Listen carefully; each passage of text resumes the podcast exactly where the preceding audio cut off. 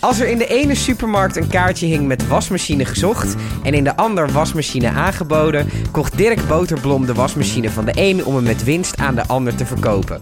Hij is een rasondernemer en nu vooral bezig met de bijna gratis markt, waar zowel spullen als mensen een tweede kans krijgen. Vandaag maakt hij op ons een eerste indruk in een nieuwe aflevering van de Passie Podcast.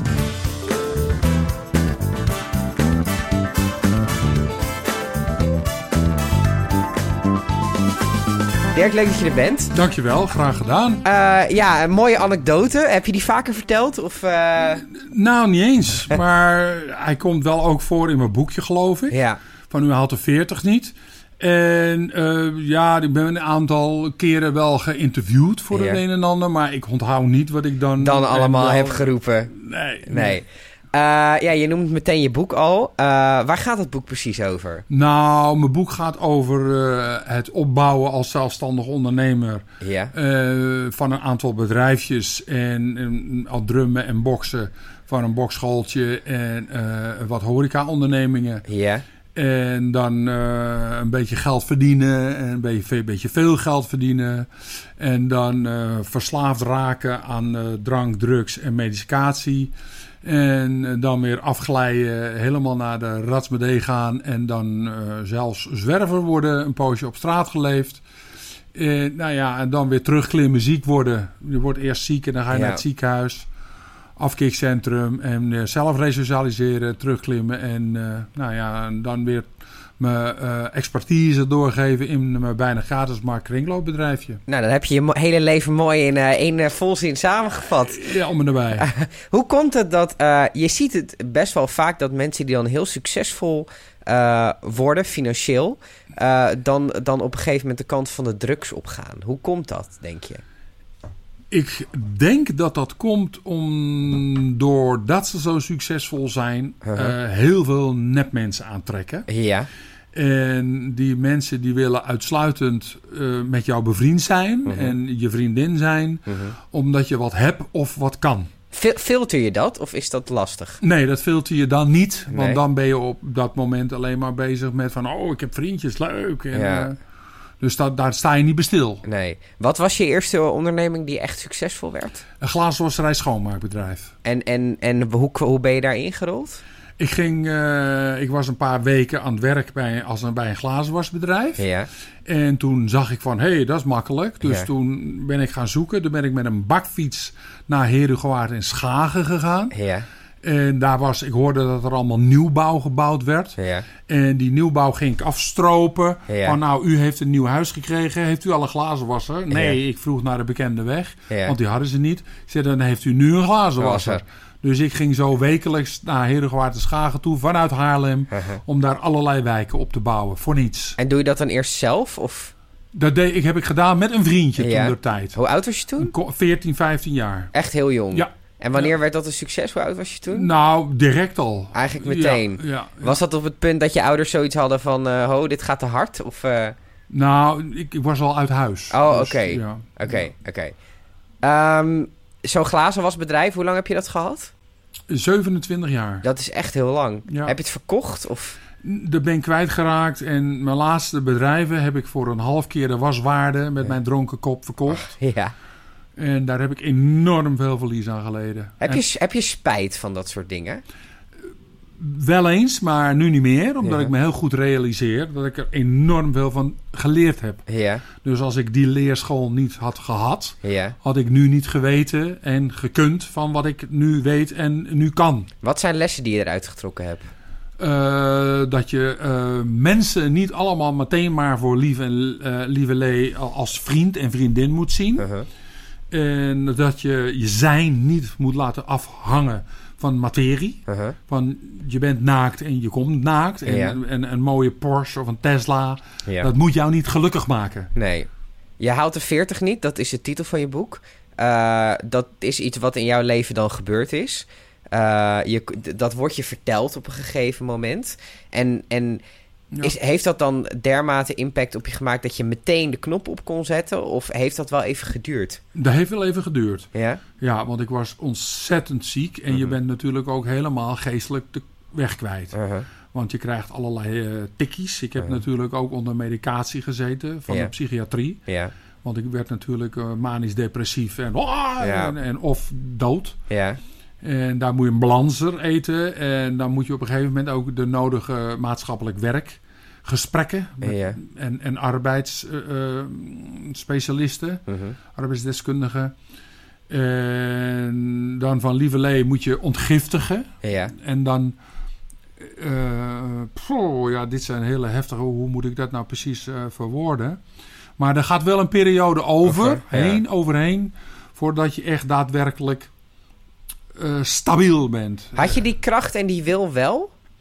Ja, want ik wilde niet dood. Want Nee. ik wilde leven voor mijn dochter. Ja, Ik heb een dochter. Ja. Die heb ik net nog gezien, goddank. En mijn kleinkinderen. ja. En dat was voor mij reden nummer één. Van ik moet dit verdomme wel even Ik- regelen. Ja, Ja. ja. Ja, want ik kreeg te horen in het ziekenhuis en in het afkikcentrum... dat 80% al meteen terugvalt vanuit een afkikkliniek Ja, binnen twee weken. En dat 2% van de 100 het maar lukt om daadwerkelijk echt clean, clean te worden en clean te blijven. Maar ik had al die vechtlust van Ja. mijn bedrijfjes opbouwen. ja. En van mijn boksperiode en muzikantenperiode. Dus ik denk, want ik moet gewoon, dit, Dat dit regelen. zal mij lukken. Ik pak mezelf bij de kloten ja. en gaan. Hoe, hoe is het in zo'n afkikkliniek? Afzien, Ja, afzien. Ja. want je hebt jezelf vrijwillig ja, opgegeven. ja, En, maar wij moesten in 1996 wel een motivatiebrief schrijven. ja. Want zo'n cursus kost natuurlijk eh, toen Ja. de tijd 90 tot 100.000 gulden. ja. En dan moet je wel eh, laten zien dat je gemotiveerd Vet genoeg bent. om dat te doen. om, om dat te, te doen. Ja. En, want hun filteren ook de goede er, eruit. Ja, ja, de mensen die er echt iets aan gaan hebben waarschijnlijk. Ja, Ja. ja. ja, Stefan. Wat, eh, heb je ooit eh, gedacht van ik ga studeren en ik ga eh, gewoon bij een, een baas werken in loondienst en ik ga dat pad volgen? Geen seconde. Dat ooit. is nooit een optie Nee, geweest. nee, nee. Je bent in dat glazenwasbedrijf gerold en dat... eh, Ja, ik kom uit een handelaarsfamilie. ja, Dus als klein kind ging ik al colporteren. ja, Dus dat is, eh, toen ik 8, 9 jaar was, ging ik al met mijn vader mee. Dat was een handelsmannetje. ja. En met mijn moeder, was een handelsvrouwtje. Maar die, die leefden overigens niet met elkaar. uh-huh. En toen ging ik al venten. Huis en huis, allerlei dingen verkopen en verloten. eh. Krijg je daar een kick van? Nou ja, tuurlijk wel, want je, je verkocht voor 2 gulden 95 een stapel ansichtkaarten. Ja, En die ene gulden mocht jij hebben. ja, En oh, mijn allereerste verdienste had ik gedaan met lood en eh, oud papier. ja, Kranten en lompen en, en, en, en al die dingen meer eh, dan van de straat afhalen. En overal aanbellen van heb je nog oude kranten. ja, En dat ging ik dan met een omgebouwde kinderwagen. ja, En dat konden we dan toen de tijd in de Burgwal op Haarlem, bij de, in Haarlem, bij de familie Borst, dat inleveren. En dan kreeg je zoveel cent per kilo. ja, En ik vergeet mijn hele leven niet meer. Ik had 12 gulden bij elkaar. ja, En die 12 gulden heb ik keurig op een rijtje, want ik ben maagd, dus ik ben heel gestructureerd. ja, En die had ik toen al als jong kind zo op een rijtje. En die heb ik ongeveer 80 keer geteld. ja. Van 12. Yeah, die zijn van mij. Dit, dit vind ik te gek. Dat blijf ik doen in alles wat ik tegenkom. De adrenaline die daarbij komt kijken. Ja, ja je eigen verdiensten gewoon. Dat, Ja. dat, ik was ontzettend trots op mezelf gewoon. Ja, ja. Vind je het jammer dat, eh weet je, het, het- ik zie dan een beetje een charmant beeld vormen van, van dat lokale. Je hebt dan de stad waar je woont en dan ga je gewoon van deur tot deur en dan ga je dingen voor elkaar krijgen. Dat dat zoveel minder is geworden nu. De laatste jaren. Ja. Ja, vind ik zeker jammer. Ja. Waarom is dat? Nou, omdat de, de, eh, de criminaliteit uh, hoogtij viert, zou ik bijna zeggen. Het is een beetje het verhaal van het touwtje door de brievenbus. Ja, heel goed. En Ja. de loper. Vroeger hadden wij een loper. En Ja. de hele straat had één sleutel. Ja, En die past op alle deuren. ja, En ik bedoel, dat is niet meer. Nu durven tegenwoordig de mensen niet eens de deur meer open te doen. S'avonds na Ja. zeven of na achten. Want wie of wat staat er voor de deur? Maar dat ons onschuldige manier in aanraking komen met sales, dat is dan, dat stukje is wel een beetje weg. Hoe komen mensen nu in aanraking van, hé, hey, ik wil iets verkopen of dat, Internet. toch het internet? Ja, natuurlijk. Ja, ja, ja. Daar, daar moet ik tegenwoordig ook aan meedoen. terwijl ik dat niet wil. Nee, je zou het liefst gewoon nog... eh, ja, ik stuur het liefst een postduif of rooksignaal, zeg ik altijd. Eh, je hebt 27 jaar een glazenwasbedrijf gehad. Ehm, hoe eh, merk je dat je daar dan steeds minder in gaat doen na verloop van tijd? Omdat het loopt wel of... Nee, ik was altijd een eh, ADHD, nee, Ja. noemen ze dat tegenwoordig. Ja. Maar nou, ik, ik noem dat enthousiasme. ja. Want ik zag gewoon winst. En eh, ja, ik, ik kocht al heel jong een huis. Ja. En daar ging ik in wonen. En ik verhuurde een paar kamers die erin zaten. Ja.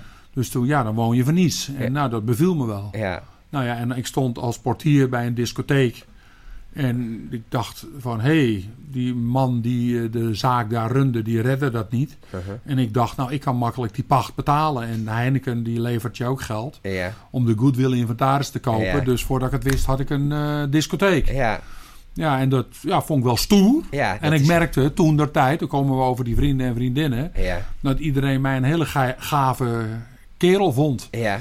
En ja, ik dacht ze vinden mij aardig, maar het bleek dus dat ze de spulletjes en de discotheek en, en mijn huis en mijn bootje en mijn auto en mijn paardje wel interessant vonden. Vind je het ook niet jammer dat je op die manier eh, daardoor misschien nu het vertrouwen in de mensheid een beetje kwijt bent? Ja, ja, Is vind ik jammer. Ja. Het- hoe, hoe schif je dat nu? Want je moet altijd mensen blijven vertrouwen, denk ik. Heel moeilijk. Nou duurt dat veel langer voordat ik echt iemand eh, kan Zie je wel sneller eh, rode vlaggen?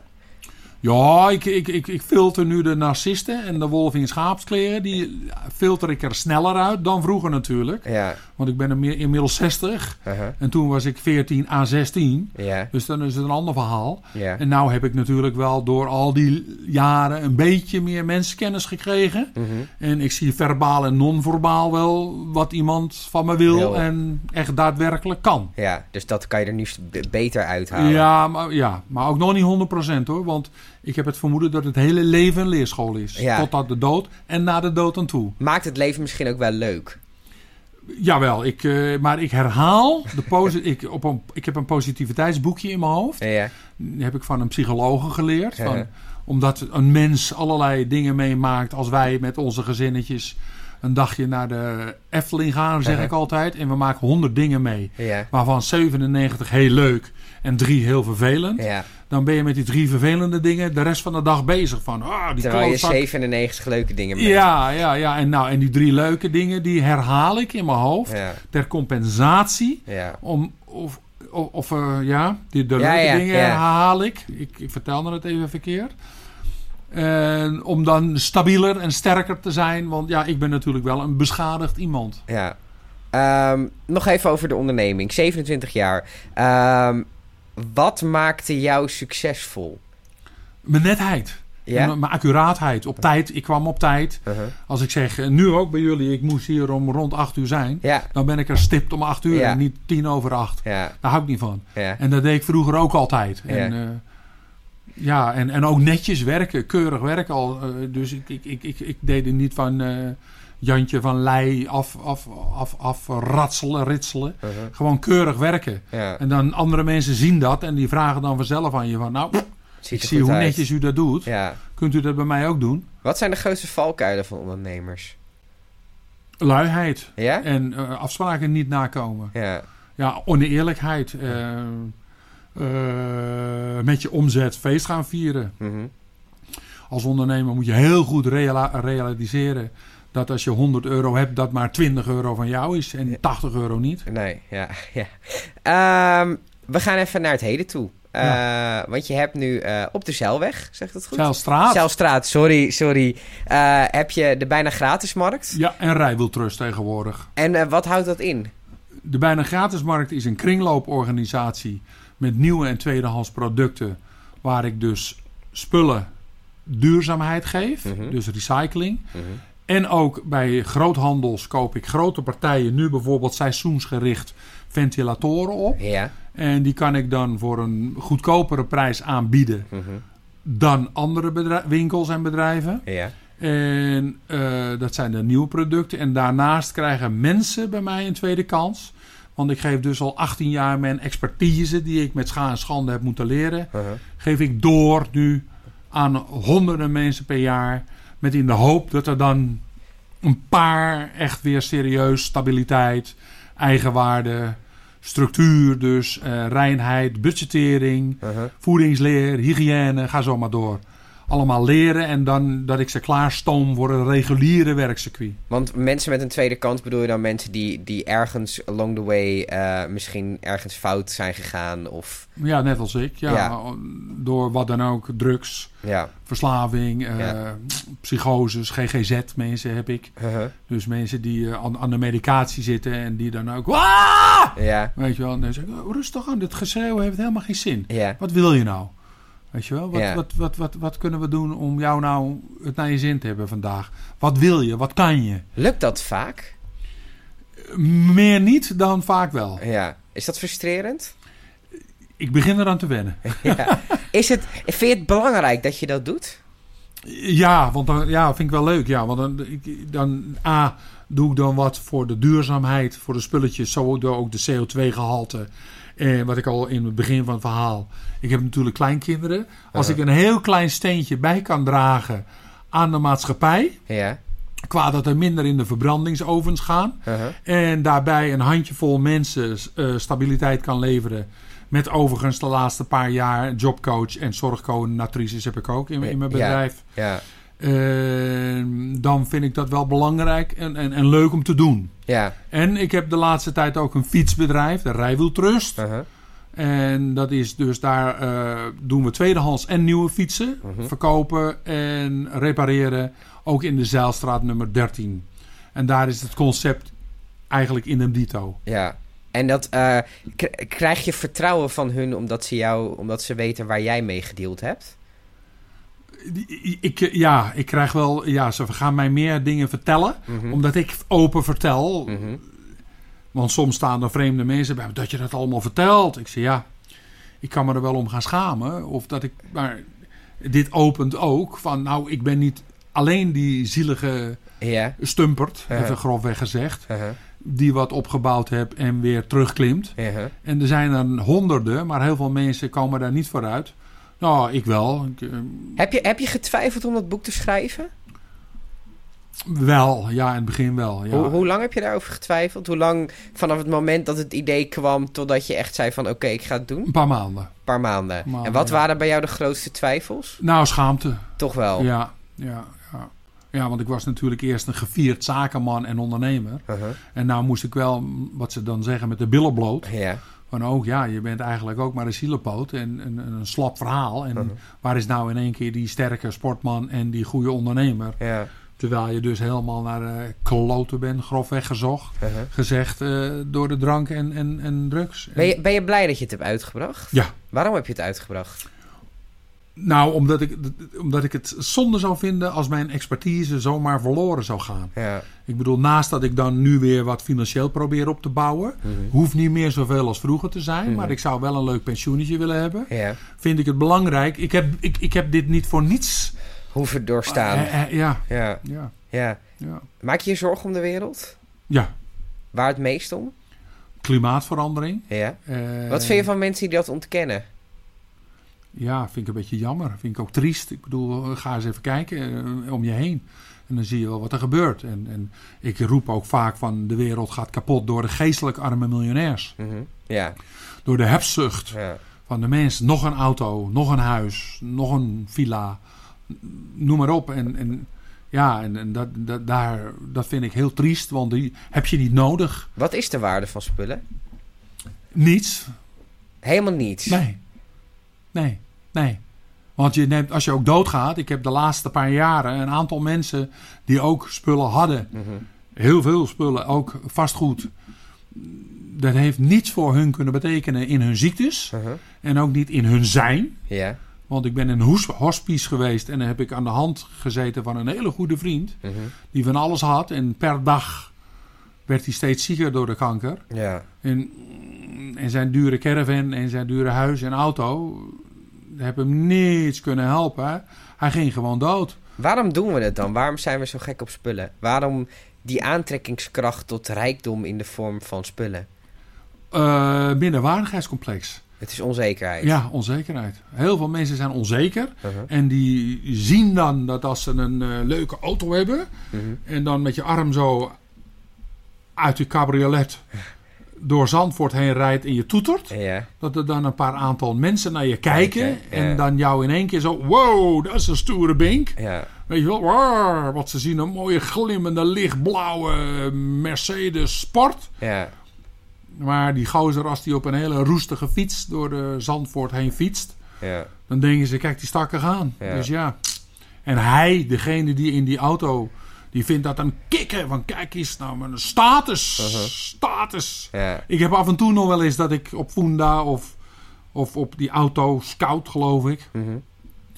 wat zie. En eh, een poos terug heb ik ook eens een keer proef gereden in een Mercedes of een BMW S4, geloof ik, of C4 Ja. met cabriolet. En toen reed ik door Hoofddorp heen en die man zei, ja, geef maar gas. En ik reed zo, ah, ik had eventjes een midlife crisis moment. Ja. En ik ging eh, nog, harder en nog harder. En ik kwam weer de buurt in waar die man woonde. En toen zag ik mezelf in dat autootje eh, spiegelend eh, in die huizen. Ja. En toen dacht ik, wat een triest figuur eigenlijk. Wat is een goede reden om die BMW wel te kopen?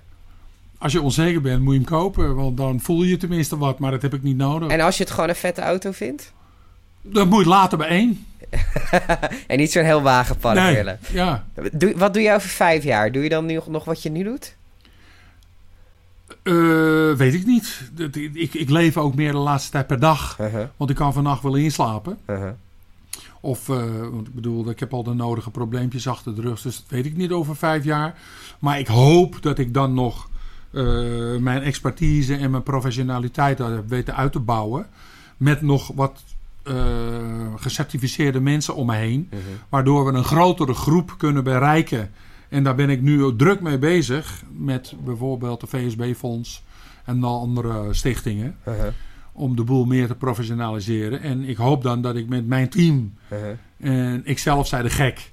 Meer mensen eh, van hun verslavingen af kan helpen. krijgen. En stabiel meer kan krijgen. Dat zou ik wel leuk vinden, ja. Eigenlijk probeer je op een zelfredzame manier, dus zonder, eh, dus zeg maar in de vorm van een bedrijf, ben je eigenlijk maatschappelijk werk aan het doen. Per ongeluk. Ja, dat, dit is, ja dat klopt. Een aantal, de, mijn allereerste krantenartikelen kwamen ook door iemand eh, die, die hoofdredactrice van de Haarlems Dagblad is. Ja, En die kwam in mijn winkel een jaartje of 16 geleden. ja, En die zei: Dirk, ik kom hier dagelijks om wat boeken te zoeken. En ik hoor jou nou praten. Ja. Maar jij bent filosoof.